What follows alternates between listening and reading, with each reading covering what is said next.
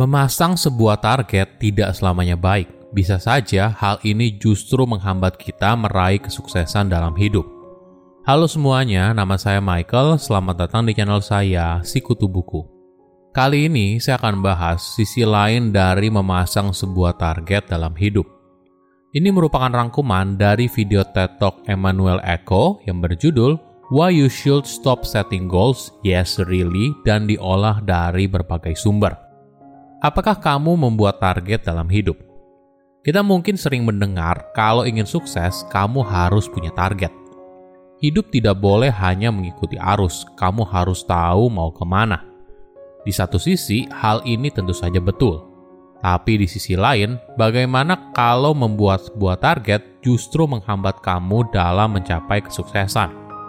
Target merupakan motivasi yang bagus untuk mendorong kinerja seseorang membuat seseorang tetap fokus dan terus bertahan untuk mencapai apa yang diinginkan. Tapi sayangnya, memasang sebuah target juga bisa membuat seseorang terjebak dalam perilaku yang tidak diharapkan dan konsekuensi yang tidak diinginkan. Kita menjadi terlalu fokus mengejar sebuah target, hingga tanpa sadar kita telah membatasi diri dan kehilangan peluang yang muncul. Sebelum kita mulai, buat kalian yang mau support channel ini agar terus berkarya, Caranya gampang banget, kalian cukup klik subscribe dan nyalakan loncengnya. Dukungan kalian membantu banget supaya kita bisa rutin posting dan bersama-sama belajar di channel ini. Bagaimana kalau kamu diberitahu cara terbaik untuk gagal dalam hidup adalah dengan membuat sebuah target? Emmanuel Ako adalah pantan pemain sepak bola Amerika yang bermain di ajang bergengsi National Football League atau dikenal dengan nama NFL. Pada tahun 2011, dia bertekad untuk jadi miliarder pada umur 21 tahun. Bagaimana caranya? Sederhana, dia harus masuk ke dalam liga sepak bola Amerika bergengsi bernama NFL. Jadi, Eko mulai mengirimkan lamaran kerjanya sebagai pemain kepada NFL berisi video permainan sepak bolanya dari mahasiswa tahun pertama, tahun kedua, dan tahun ketiga. Tidak lama kemudian, NFL membalas suratnya kalau dia tidak akan diterima dalam tiga ronde pemilihan pemain. Jadi apa yang aku lakukan? Dia menempel balasan dari NFL lalu menaruhnya di atas tempat tidur. Jadi, setiap kali bangun pagi, dia membaca tulisan itu dan menjadi penyemangatnya untuk membuktikan kalau apa yang dikatakan oleh para juri NFL itu salah. Setiap pagi, Eko sudah berlatih mulai dari jam 6 pagi. Begitu seterusnya, hingga satu tahun kemudian, Eko berhasil masuk dalam NFL Combine. Sederhananya, ini seperti interview kerja. Saat itu, Eko berdiri di depan 32 konglomerat. 32 konglomerat Amerika Serikat dan merupakan pemilik dari setiap tim di NFL. Salah satu tesnya adalah para calon pemain harus berlari sekitar 35 meter. Semakin cepat kamu berlari, maka peluangmu untuk diterima menjadi pemain NFL akan semakin besar. Tapi ketika Eko mulai berlari, tiba-tiba saja otot pada sendi lututnya robek dan dia jatuh ke rumput. Tentu saja kejadian ini membuatnya gagal untuk masuk dalam NFL. Sejak saat itu, Eko memutuskan untuk berhenti membuat sebuah target – Kepercayaan dirinya sudah terkoyak. Dia merasa setahun terakhir hidupnya terasa begitu sia-sia karena dia tidak berhasil masuk dalam NFL. Tapi apakah kamu tahu apa alasan otot sendinya robek? Jadi di NFL, semakin besar dirimu maka semakin baik. Tapi tentu saja, semakin berat tubuhmu, kamu semakin sulit untuk berlari kencang. Jadi, Eko menurunkan 5 kg selama dua hari Ketika tes lari 35 meter, dia dalam kondisi berat 115 kg, kurang cairan, dan gizi selama dua hari. Terlalu fokus pada target membuat dirinya melukai diri sendiri. Jadi, resiko ketika memasang sebuah target itu lebih besar dari apa yang didapat apabila kamu berhasil mencapainya.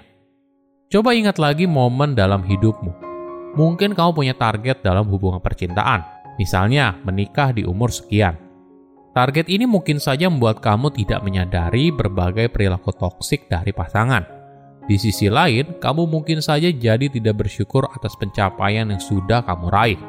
Kembali ke kisah Eko, Walaupun dia gagal masuk NFL dalam tiga ronde pemilihan pemain, ronde paling prestigius karena ini berisi para pemain terbaik di tahun tersebut, tapi Eko berhasil masuk dalam NFL pada ronde pemilihan ke-6. Sama halnya ketika kamu jadi pengusaha dan punya target omset 100 juta sebulan.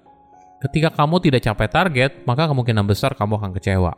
Padahal omsetmu sudah mencapai 80 juta rupiah sebulan. Nah, kenapa sih kita menetapkan sebuah target? Sebuah target secara definisi merupakan akhir dari sebuah usaha yang telah dicurahkan. Biasanya, sebelum melakukan apa pun, kita memulainya dengan menetapkan sebuah target. Bahkan ada sebuah studi yang mengatakan kalau orang yang menuliskan target yang ingin dicapai dan berkomitmen menjalankannya dengan sungguh-sungguh, maka orang tersebut akan menghasilkan uang dua kali lebih banyak daripada yang tidak. Apakah benar? Ide tersebut tidak sepenuhnya salah, tapi ada masalah sederhana, perbedaan antara korelasi dan kausalitas. Tentu saja ada korelasi antara kerja keras, disiplin dengan target, dan menjalankannya dengan sungguh-sungguh. Tapi alasan kenapa orang tersebut bisa menghasilkan uang dua kali lebih banyak karena menuliskan sebuah target, itu sepertinya tidak. Alasan lain karena sebuah target menjadi sebuah panduan kita merasa hidup kita menjadi tidak jelas apabila kita tidak punya target. Terakhir, mungkin kita butuh pengakuan dari orang lain. Coba lihat kembali hidupmu. Misalnya kamu posting sesuatu di media sosial, lalu banyak orang yang memberikan like. Tentunya hal ini menjadi dorongan kamu untuk terus posting, kan? Oke, jadi apa cara yang lebih baik? Bagaimana bila kamu memasang sebuah target tanpa batasan? Maksudnya begini, ketika kita memasang sebuah target, kita cenderung menutup segala kemungkinan. Kita dipaksa harus memilih satu tujuan dan hasil akhirnya sudah ditentukan. Tapi perlu dipahami, hidup kadang tidak berjalan seperti garis lurus.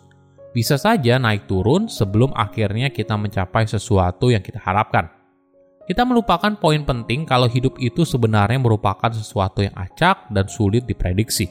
Ditambah lagi, seiring bertambahnya usia, bisa saja target yang awalnya kita dambakan justru berubah. Situasi dan kondisi berubah, begitu juga dengan prioritas kita dalam hidup.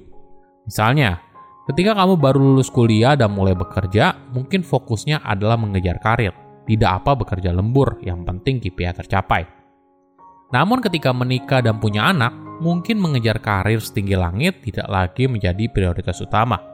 Kamu justru lebih memprioritaskan perusahaan yang bisa memberikan work-life balance, di mana kamu bisa pulang tepat waktu sehingga setiap harinya kamu punya waktu untuk menghabiskan dengan orang yang dicintai.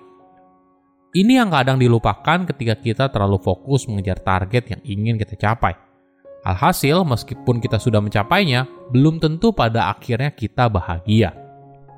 Silahkan komen di kolom komentar pelajaran apa yang kalian dapat ketika tahu informasi ini. Selain itu, komen juga mau tahu informasi apa lagi yang saya review di video berikutnya. Saya undur diri, jangan lupa subscribe channel YouTube Sikutu Buku. Bye bye.